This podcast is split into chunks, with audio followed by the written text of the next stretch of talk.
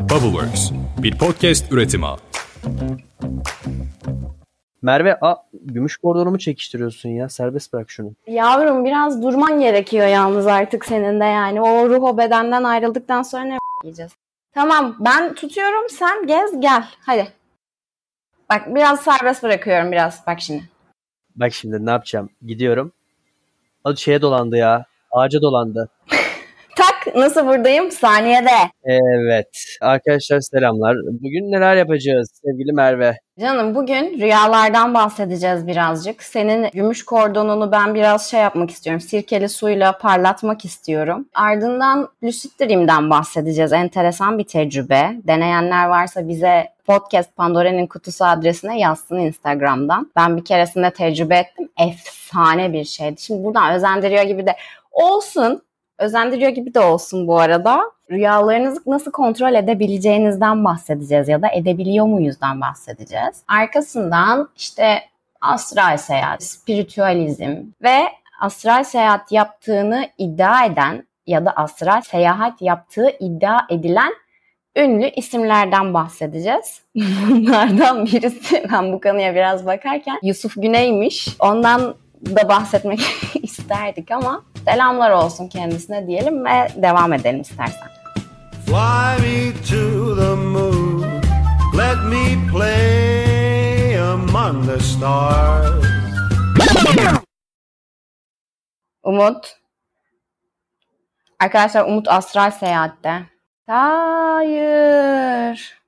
Arkadaşlar şu an kayıt altındayız ve Umut'un interneti koptu. Muhtemelen kendisi uzay boşluğunda salınıyor. Al kalk dedim gümüş kordonumdan kalktım. Hadi bakalım.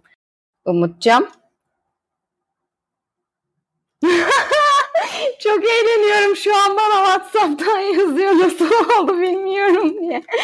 Geçen gün biz bölüm kaydedecektik. Benzer sıkıntılar yaşandı ve Umut bana biraz sinirlendi bence belli etmese de. Oh diyorum şimdi kendisine. İnşallah gelmişsindir sinsi sinsi dinliyorsundur arkadan. Yani yayın esnasında da gerçekten internetim nasıl koptu bilmiyorum. Ethernetle de bağlıyım ama. Onu anlatıyordum. Geçen gün bana sinir oldun gibi geldi hissettim. Allah da başına verdi diyordum şimdi işte. Evet evet evet. Evet işte. Nasıl olduğu ile ilgili ya gerçekten bir anomali yaşandı şu anda. Hani gerçeklik kırıldı. Çünkü benim internetim kopmaz arkadaşlar.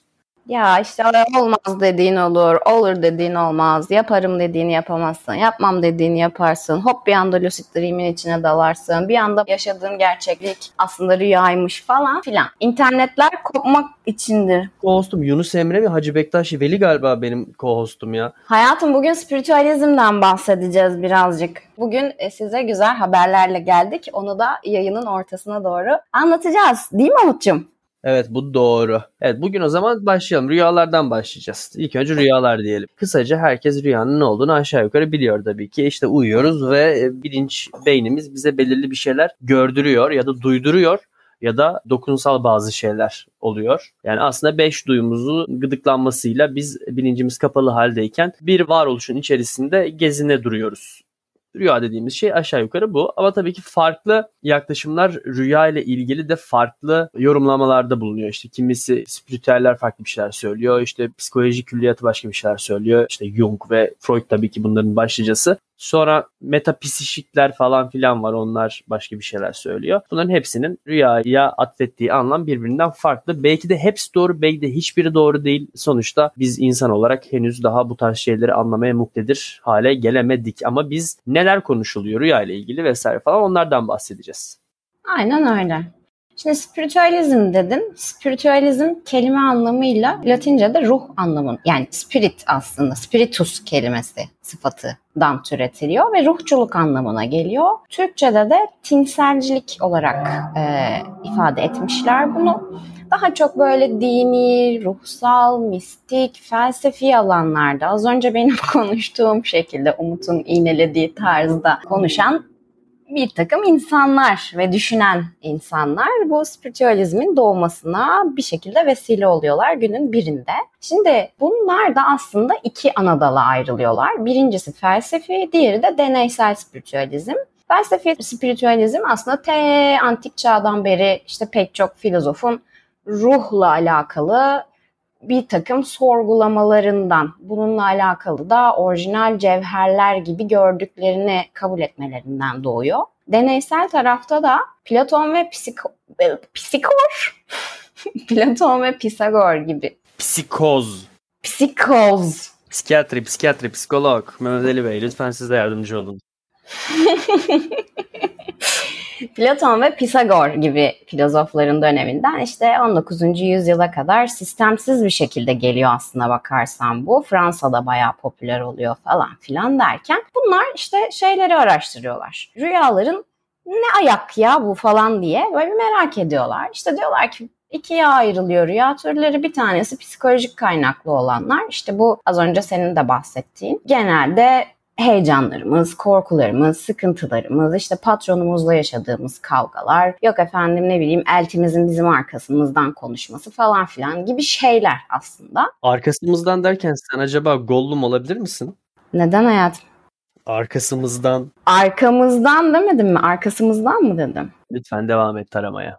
Aa, ne dediğimi bilmiyorum ben o zaman. İlginçti, hoşuma gitti. O yüzden bahsettim. Devam edebiliriz. İşte eğitimimizin arkamızdan konuşması. Vay efendim çocuğun öğretmeni işte gelir size şikayet eder falan falan bunlardır yani baktığınız zaman. Gece rüyanızda gördüğünüz psikolojik kaynaklı rüyalar. Fiziko-kimyasal kaynaklı rüyalar da işte daha çok böyle bedenimizi dinlediğimiz zaman ya da ne bileyim o işte beş duyu organımızla hissettiğimiz evren den kaynaklanan rüyalar. Bir de bunun kimyasal kaynaklı olanları var. Efendim işte hepinizin hepinizin bilemeyeceği olabilir. Çünkü bizim küçük yaşta takipçilerimiz de çok fazla ama bizi dinliyorlarsa onları da biliyorlardır. İşte bir takım kimyasallar, ilaçlar, ıvır zıvır gibi özenilmemesi gereken ben böyle bir sorumluluk hissediyorum bu şeyde konuşurken podcast'te nedense bilmiyorum. Ben hiç hissetmiyorum. Hiç kimse hiçbir şey özendirmediğim gibi hiç kimsenin de hayat tecrübesiyle ilgili hadi bunu da yapmayın falan gibi bazı şeylerim yok. Hiç kimsenin sorumluluğunu almam. Beni tanıyan herkes bunu bilir. Bu bölüme kadar beni dinleyip de kimsenin sorumluluğunu almayacağımı fark etmediyseniz arkadaşlar bu sizinle ilgili bir şeydir. Açıkçası ben bu podcast'in sorumluluk satın alma müdürüyüm galiba. o nedenle şöyle bir şey var. Benim burada çekindiğim şey. Çok fazla insan dinliyor ve ben şunu hissediyorum birisi böyle olumlu bir yorum yaptığı zaman sizin sayenizde şunu fark ettim, sizin sayenizde bunu işte anladım bilmem ne. Böyle bu tarz güzel yorumlar aldığım zaman evet diyorum doğru yoldayız. Hani insanlar için iyi bir şeyler. Evet diyorum doğdu güneşim. Evet diyorum doğdu güneşim. Tık hemen elimi yüzümü yıkıyorum arkasından. Yine ama ben kimsenin böyle hayatında kötü bir şeye de vesile olmak istemem. Ama siz zaten buradan dinleyip de gidip de böyle saçma sapan işler yapmayın arkadaşlar ya da yapıyorsanız da sorumluluğu mutabet değil yani. Burada Merve'nin bahsetmek istediği şey arkadaşlar buradaki kimyasal kaynaklı rüyalarda uyuşturucu kullanımından bahsediliyor. Yani uyuşturucu kullandıktan sonra gördüğünüz rüya türlerini kimyasal kaynaklı hani kanka çok fena kafası var deyip yatıp uyudup da ondan sonra böyle abuk subuk gördüğün bir şey olursa bu e, kimyasal kaynaklı rüyalar başlığına dahil olan şey. Yani hepi topu şu cümleyi kuracağız ama kimseye uyuşturucuyu özendirmiyoruz tabii ki.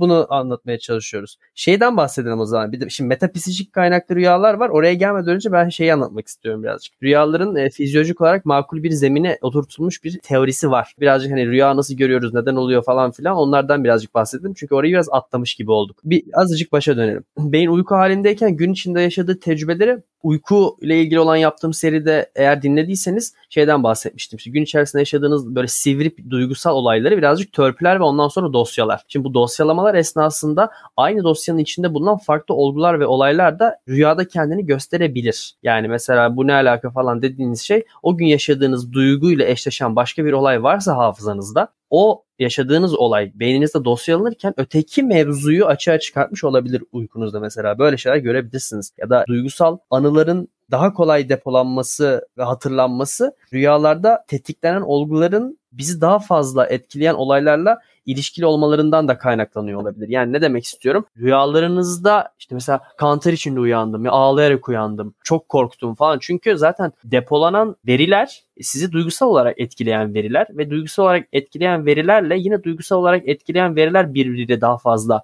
etkileşim haline girdiği için rüyalarınızda da bunları daha fazla görmeniz de olası diyorlar aynı şekilde. Uyku esnasında normalde prefrontal korteks kapalıdır. Yani bilinç dediğimiz, kontrollü bilinç dediğimiz bölge kapalı. Biz dediğimiz yer. Fakat alt bilinç ya da işte soyut işlem devresi bunlar açık ve bu bahsettiğim dosyalama işlemini yapıyorlar. Bu veri aktıkça bu akan veriyi gün içerisinde işte gördüğümüz şeyler, düşündüğümüz şeyler vesaire onları işlemeye ve anlamlandırmaya çalışıyor. Fakat beyindeki mantık devresi alnımızın arkasında prefrontal kortekste ve kapalı o esnada. O yüzden de rüyalarınızda çok abuk subuk şeyler görebiliyorsunuz. Yani mantıklı olmasa bile rüya esnasında size çok mantıklı geliyormuş gibi hissettiren ya da en azından absürt olduğunu düşünmediğiniz şeyler görüyorsunuz. Mesela işte göt şeklinde dağ da görebiliyorsun rüyanda ve bu sana mantıksız gelmiyor. Bunun sebebi bu. Çünkü işte bir mantık aramıyorsun. Çünkü mantık oluşturan devre o esnada kapalı. İlk başta da söylediğim gibi rüyalar birçok ekol tarafından inceleniyor, üstüne düşünülmüş. Günümüzde de işte fMRI cihazları sayesinde hakkında biraz daha fazla bilgiye sahip olabiliyoruz rüyalarla ilgili. Nispeten diyelim. Fakat insanlık için hala boşluk ya da Tyler Swift'in dediği gibi blank space baby. Birkaç bakış açısı dini mitlerin hatta rüyalardan türetilmiş olabileceğini söylüyor. Yani işte adres vermek gibi olmasın ama Kızıldeniz'i ikiye bölmek falan birazcık şov. Ve benim sevdiğim bir taraf bu. Biraz da ilgimin olduğu da bir taraf. Hani burada atıp tutuyorum bazı konseptlerle ilgili arkasından ama atıp tuttuktan sonra ben bu kaydı kapatıyorum ve ondan sonra evde meditasyona oturuyorum. Acaba nesneleri uzaktan hareket ettirebilir miyim diye arkadaşlar onu da söyleyeyim. Telepatik bazı rüyalar var. Yani işte mesela bir başka insanla rüyada iletişime geçmek gibi bir rüya çeşidi var. Şunun olması daha olası tabii ki mesela. Aynı ortamda ya da aynı yatakta, aynı odada uyuduğunuz bir insanla ortak bir rüya paylaşmak çok daha olası. Çünkü orada işte elektromanyetik olarak ortak bir alan paylaşıyorsunuz aslında. Ya da duru görü rüyalarından bahsediliyor. Yani gelecekle ilgili yaşanması gelecekten görseller diyelim aslında e, duru görüyle ilgili ama aslında baktığın zaman rüyada beyninin kendi kendine gelecekten senaryolar oluşturması ve muhtemel bir senaryoyu sana bunu göstermeye çalışıyor olması çok şey değil hani metafizik düzeyinde var olan bir şey değil. Beynin bunu yapar. Çok anormal gelmiyor bana. Ya da astral seyahat rüyaları zaten bugün konuşacağımız konseptlerden de bir diğeri astral seyahat olacak. Ruhunun bedeninden ayrılıp başka bir e, alemde var olması ile ilgili bazı rüya türlerinden bahsediliyor. Evet, şu senin göt şeklinde daha geri dönecek olursak bilinçaltımızın bize sunduğu bazı işaretler ve bunu görürken anormal gelmiyor diyorsun ya. Bir tık ötesi var. Diyorsun ki oha ne güzelmiş lan bu da. Hadi bir tane daha olsun yanında. Hop bakıyorsun bir tane daha alıyor. Sonra Ha. diyorsun ki ya şimdi ben bununla ne yapsam? Götlerden bir tarafı pembeye bir tarafı maviye boyuyorsun ondan sonra. Aynen sonra bir bakıyorsun bir tarafı mavi olmuş. Diğer tarafı ne renk dediğini duymadım. Kulaklığımı düzeltiyordum o sırada. Pembe.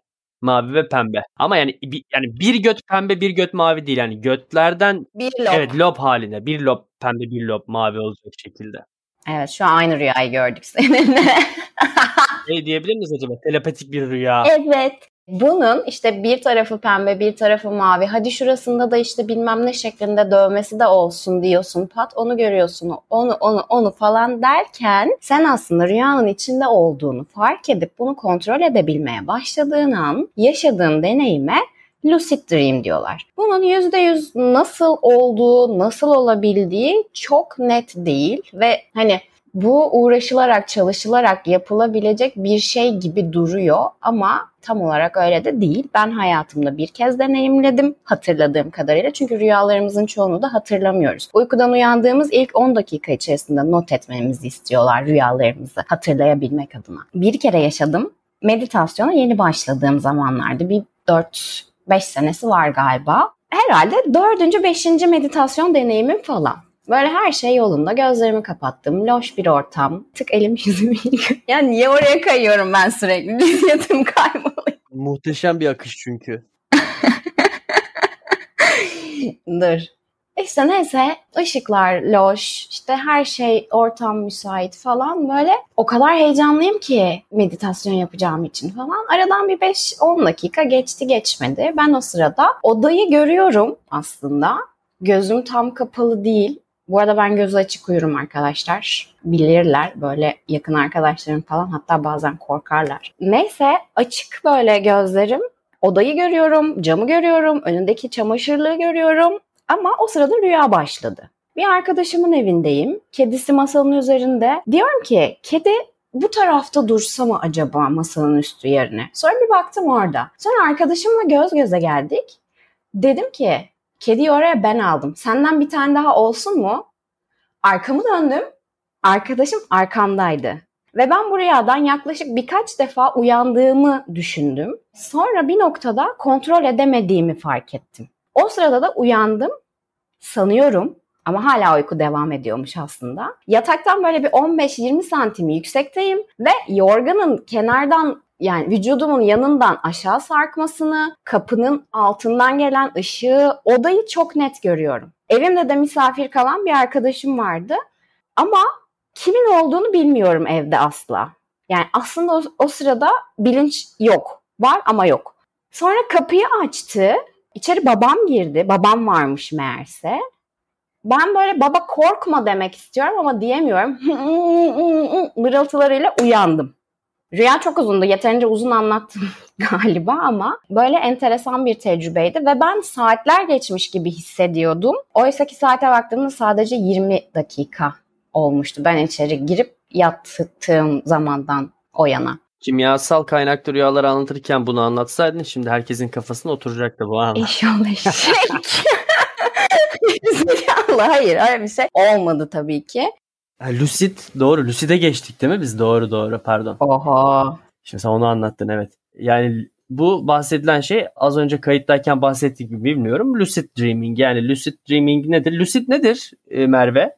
Yani lucid dreaming'den bahsediliyor. Bu benim daha önce yaşadığım bir tecrübe değil açıkçası. Böyle üstüne çok da e, şey yapmadım. E, hadi ben lucid dreaming falan göreyim diye. Ama hani buna yakın bazı farklı tecrübeler falan filan. Bu arada lucid dreaming'de şöyle de bir durum var. Kendinize bir nesne ya da herhangi bir şey belirt için yani hani belirleyin diyorlar bu deneyimi yaşamadan önce. Atıyorum burnunuza dokunun. Hani rüyada olduğunuzu hatırlamak ve gerçekliğe dönmek için ya da ne bileyim işte o Inception filmindeki gibi bir zar, bir fincan, bir bardak, bir bir şey, bir, bir nesne belirleyin. Bunu göreceğim ve uyanacağım gibi. Yoksa benim gibi saçma sapan içerideki insan babanız olup kalkıp odanıza dalabilir ve uyanmakta da zorluk yaşayabilirsiniz diyelim.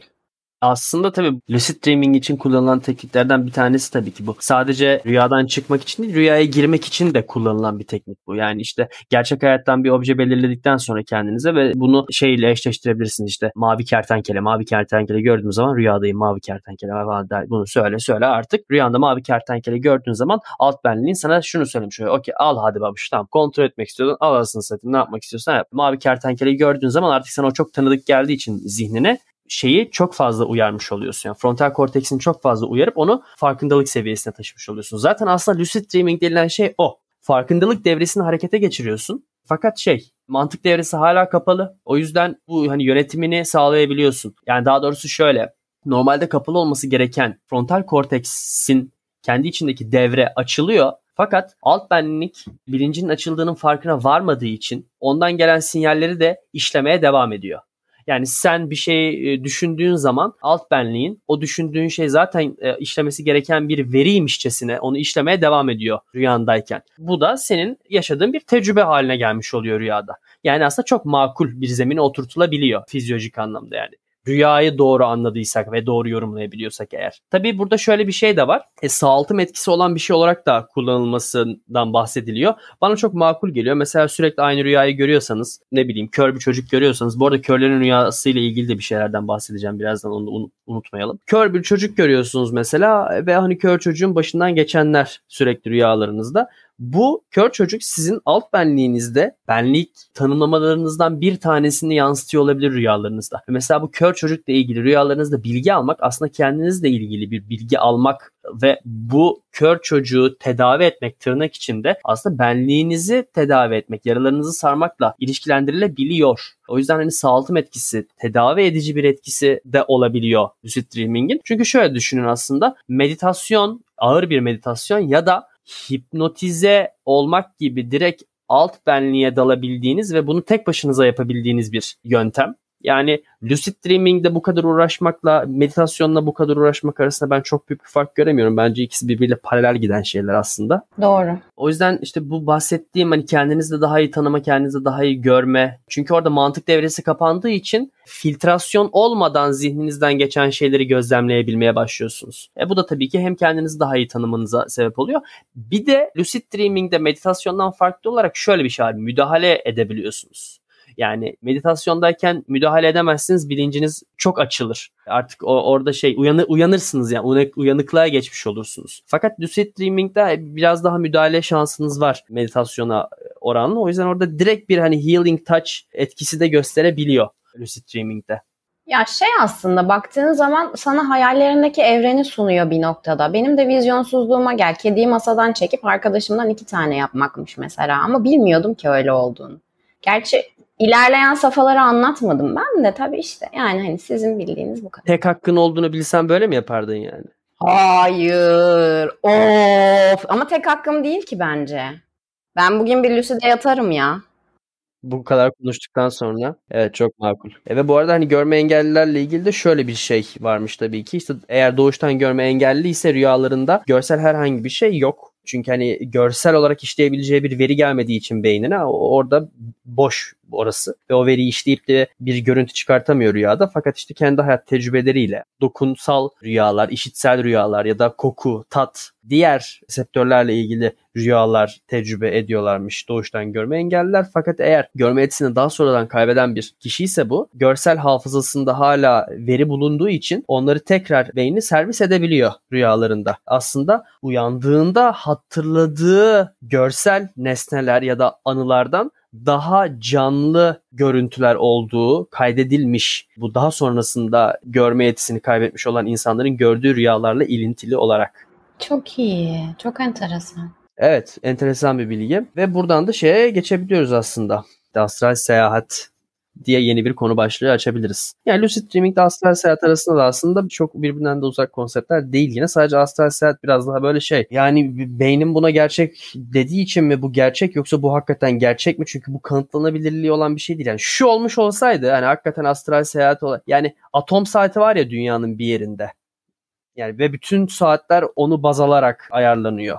Şimdi orada bir referans point var. Astral seyahatte bir referans noktamız olmadığı için gerçekliğini şey yapamıyoruz. Yani hani mesela ben şunu söylesem ben astrale çıktım. Şimdi benim astrale çıkıp çıkmadığımı kimse kanıtlayamaz. Evet çünkü yani ben astrale çıktığım zaman benim astraldeki ruhumu kimse göremiyor. Ben de yaşadığım tecrübeyi kelimelerle ifade edemiyorum. Ha, ama şunu bilebilsek dünyada gerçekten astrale çıktığı kanıtlanmış bir insan olsa mesela ve astral düzlemde ruhlarımız birbiriyle sohbet edebiliyor olsa o zaman bu kanıtlanabilirliği olan bir e, olgu haline gelmiş olur. Ama insan kendi kendine de bunu kanıtlayamıyor. Yani astral demeyeyim yoksa bu some kind of a lucid dream mi onu şey yapamıyoruz tam. Ama yine de çok uzun yıllardır hatta yüzyıllardır diyeyim varlığından bahsedilen bir olgu bu. Onu lütfen Merve sen bahsedersen çok sevineceğim. Şimdi aslında birazcık böyle daha kelime kökenine gideceğim ben. Astral sözlük anlamı olarak yıldızlarla alakalı, yıldız gibi demek. Yani bu da bir nevi yıldızlara yolculuk gibi mi anlaşılmalı dersen hayır. Yani şöyle diyorlar, Buna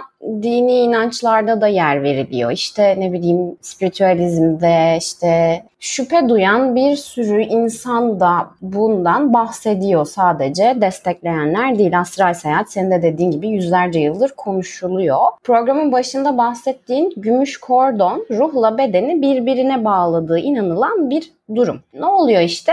Ruhunuz bu gümüş kordonu doluyor beline, çıkıyor bedeninizden yükseliyor gökyüzüne, dolaşıyor, geziyor, istediği alemleri, belki dünyayı, belki başka gezegenleri bilmiyoruz. Sonrasında da bu gümüş kordon sayesinde hop tekrar geri geliyor. Benim senin kordonunu tutmamın sebebi de o ki ölmeyesin. Kaybolmayı vereyim bir yerlerde.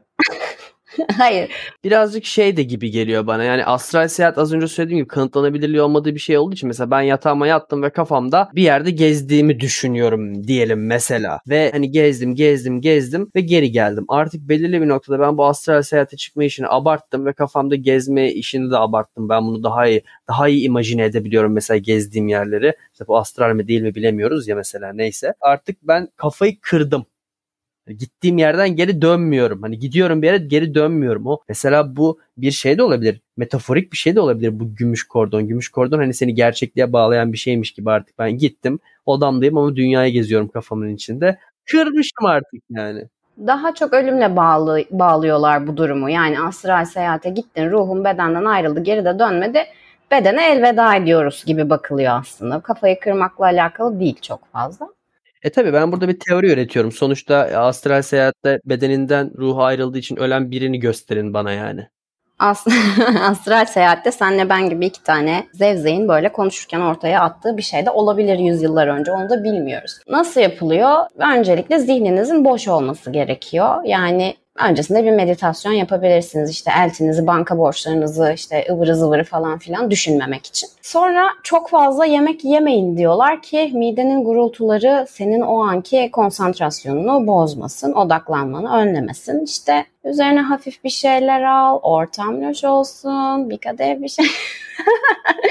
Yok, sessiz olması gerekiyor ortamın. Yani mümkünse evde yalnız başınayken ya da diyeceksiniz ki beni rahatsız etmeyin. Gözleriniz kapalıyken içinde olduğunuz odayı hayal edin diyorlar. Yani aslında bir imagination yani bütün odayı gözün açıkmış gibi görüyor gibi hayal edeceksin. Sonra beden iyice gevşiyor, gözlerine bir karanlık çöküyor, o kadife karanlığın ortasında kayboluyorsun falan. Sonra bir böyle şey olduğunu söyleyenler var. İşte vücudum elektriklendi, bir titreme geldi, bir ağladım bir şey. Sonra arkasından bir beyaz ışık ve boom başladık.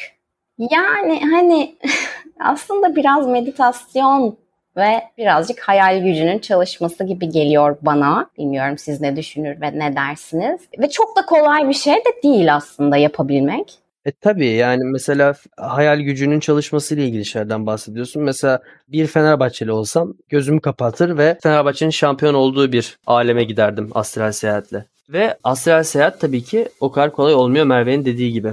Yani evet bir iki kitapla bir tane podcast bölümü dinlemekle olacak iş değil. Bu işe yıllarını verenler var. Kendilerini tebrik, takdir ediyorum. Artık herhalde ülkemiz koşullarında da bir yerleri gezip görmek, bir yerlere gitmek için astral seyahat gerekiyor diyeceğim ama çok güzel bir haberle geldik size. Piri Piri bir uygulama arkadaşlar. Cep telefonunuza indirebildiğiniz bir aplikasyon. Bunu bölüm açıklamasında verdiğimiz linkten indirip kullanabilirsiniz. Nasıl yapıyor bunu Umut? Eğer evinizdeyseniz turlarınızı evden dinleyebiliyorsunuz. Hem de Türkiye'nin en çok gezen rehberi Saffet Emre Tonguç'tan dinleyebiliyorsunuz. Ayrıca bu turları dinlerken şu sağınızda gördüğünüz taş sütun dediği anda ekranınızda bunların görselleri bir anda fış diye beliri veriyor. Dahası Saffet Emre Tonguç'un anlattığı her yerle ilgili de bir müzik yapılmış sadece Piri'ye özel. Örneğin mesela camideyseniz ezan sesleri geliyor kulağınıza ya da bir Rus kilisesindeyseniz Rus dini ezgileri çalabiliyor. Ortamın atmosferini daha derinden hissedebilmek adına bence çok güzel bir deneyim. Ha yani tabii gezemiyorsanız yine o da bir havaya sokar bence insanı. Ama gezebiliyorsanız da mesela o bulunduğunuz yerdeki tecrübeleri aktarmayı seviyor piri sizin. Mitoloji, sanat, tarih, tüm kültürel değerleri bir arada sunmaya gayret gösteriyor bu içerik. Mesela Van Gogh'un Starry Night eserinin bir akıl hastanesinde yapıldığını ben buradan öğrendim. Ama bu biraz spoiler. Ayrıca mesela gezdiğiniz yerlerde özellikle yurt dışında özel bir rehber tutmak oldukça maliyetli olabiliyor.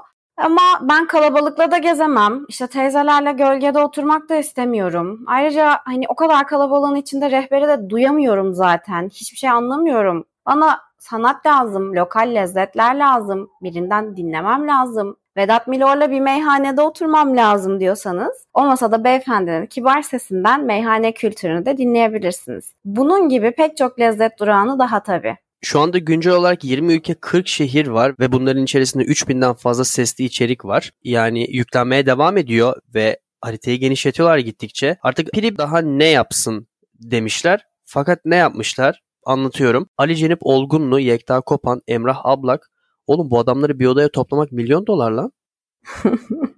E artık linke tıklasınlar değil mi? Bununla ilgili sorunuz varsa da bize sorabilirsiniz ya da direkt Piri'ye ulaşabilirsiniz. Bizim vasıtamızla Piri'ye erişebilirsiniz. Yani bu da olabilir. Astral seyahate geri dönecek olursak şimdi ruhun varlığına inanan insanlar var. E, aslında bu birazcık da onunla ilintili bir şey. Çünkü yani ikililik olduğunu inanmazsanız ruh ve beden birbirinden ayrılabilecek şeyler işte zaten ruh diye bir şey yoktur ya da beden tek başına vardır falan gibi bir şey olduğunda zaten astral seyahat konu dışı olmuş oluyor artık. Ancak bu olayın çok bilimsel bir tarafı da yok dediğim gibi yani çünkü bu kanıtlanabilirliği bir şey değil. Yani veri tutamıyorsun bununla ilgili. Daha çok deneyimlere ve işte parapsikoloji meraklılarının iddialarına dayanan bir olgu ya da tecrübe. Bu iddialardan en havalısı, en bilim meraklısı insanı bile düşündürecek olan tecrübede Piri Reis'ten geliyor. Namı diğer Barbarossa. Kanuni döneminin biliyorsunuz ki muhteşem yüzyıldan en ünlü denizcisi. Ve haritacısı. Ve haritacısı tabii ki yani 10 liranın arkasındaki haritayı biliyorsunuz işte o Piri Reis'e ait. Eski 10 milyonun arkasında olması lazım o Piri Reis'in haritası. O haritadan bahsediyoruz. 1513'te çiziyor o haritayı. Kilit Bahir'deki çalışma mekanında yıllarca tek başına kalmış ve büyük bir konsantrasyon ile kendini işine vererek haritayı hazırlamış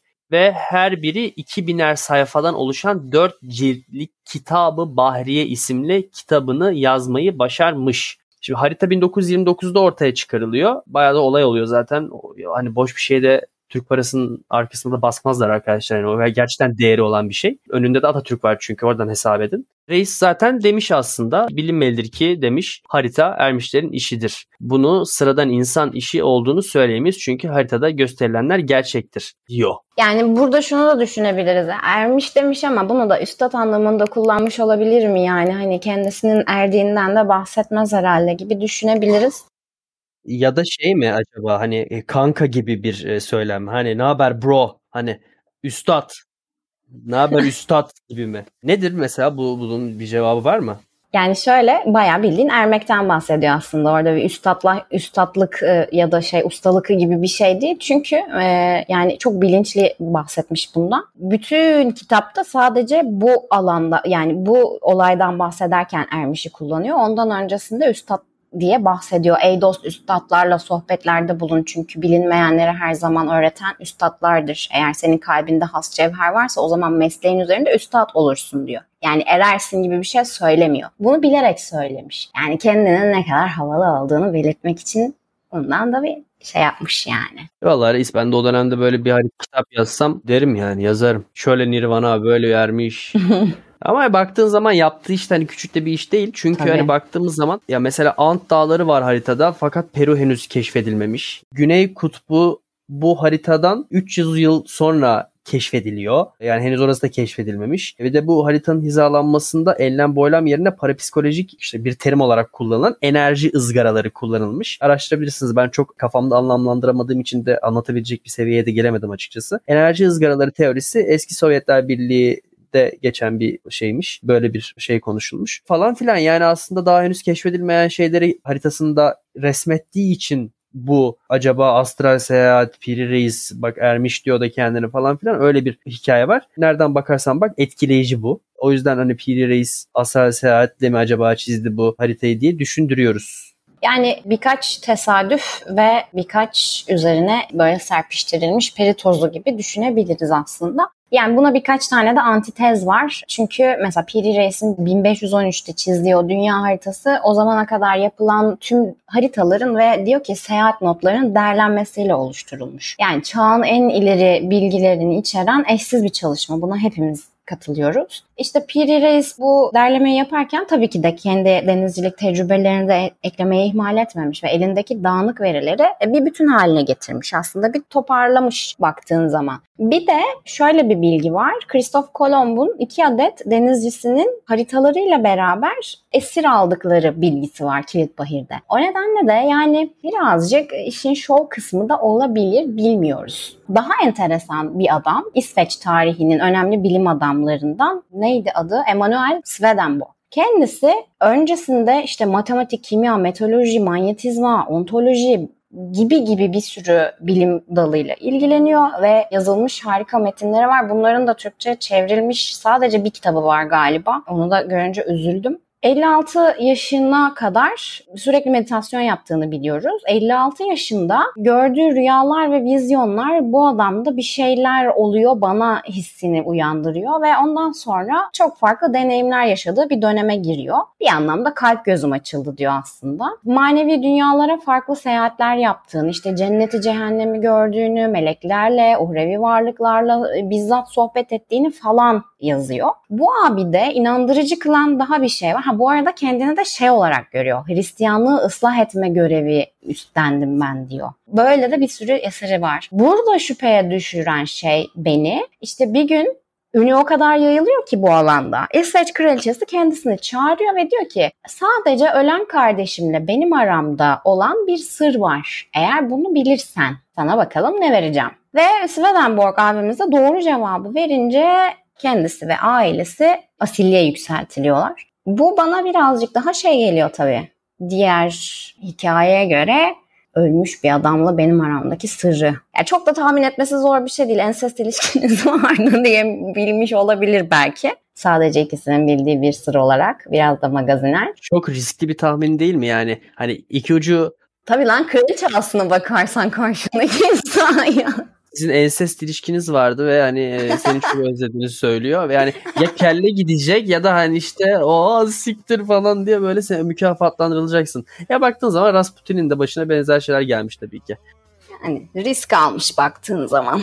Aynen öyle. Ve arkadaşlar yapın yani bunları. Lucid Dreaming ile ilgili de bakın şöyle bir şey söyleyebilirim. Uyandığınız zaman rüyalarınızı yazın ki rüyaların rüya olduğunu hatırlayın. Bilinçaltınızdan notlardır bunlar. İlla Lucid Dreaming yapmak zorunda değilsiniz. Kendinizle ilgili çıkarımlar yapabilirsiniz. Rüyalar kıymetli şeyler. Yani direkt olarak erişiminizin olmadığı bilgilere erişim hakkı veriyor size rüyalar. O yüzden onlar kıymetli şeyler. Onun dışında da bolca gezin, hayat yaşayanlarındır. Gezerken de alın açın piri uygulamanızı işte size anlatsın. Çok gezen değil, gezerken dinleyen bilir diyelim o zaman biz. Aynen öyle. Pirinin linkine de dediğim gibi bölümün açıklamasına ulaşabilirsiniz. Sanıyorum şimdilik bu kadar Merveciğim. Var mı senin de söylemek istediğin bir şey? Yoksa lütfen kapanış senden alalım. Okey. Bize böyle deneyimleri varsa yazsınlar. Sabah uyandıklarında rüyalarını da yazsınlar. Sabah uyandığınızda rüyalarınızı bize yazmayın arkadaşlar. Bir rüya defteri tutabilirsiniz ama böyle enteresan tecrübeleriniz varsa Instagram'dan lütfen bize ulaşın. Şimdilik bu kadar. Sizleri seviyoruz. Hoşçakalın. Bye.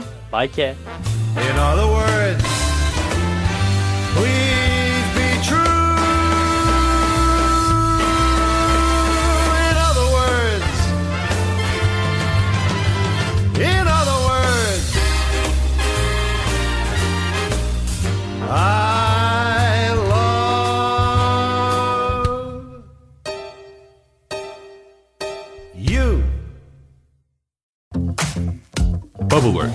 bir podcast üretimi.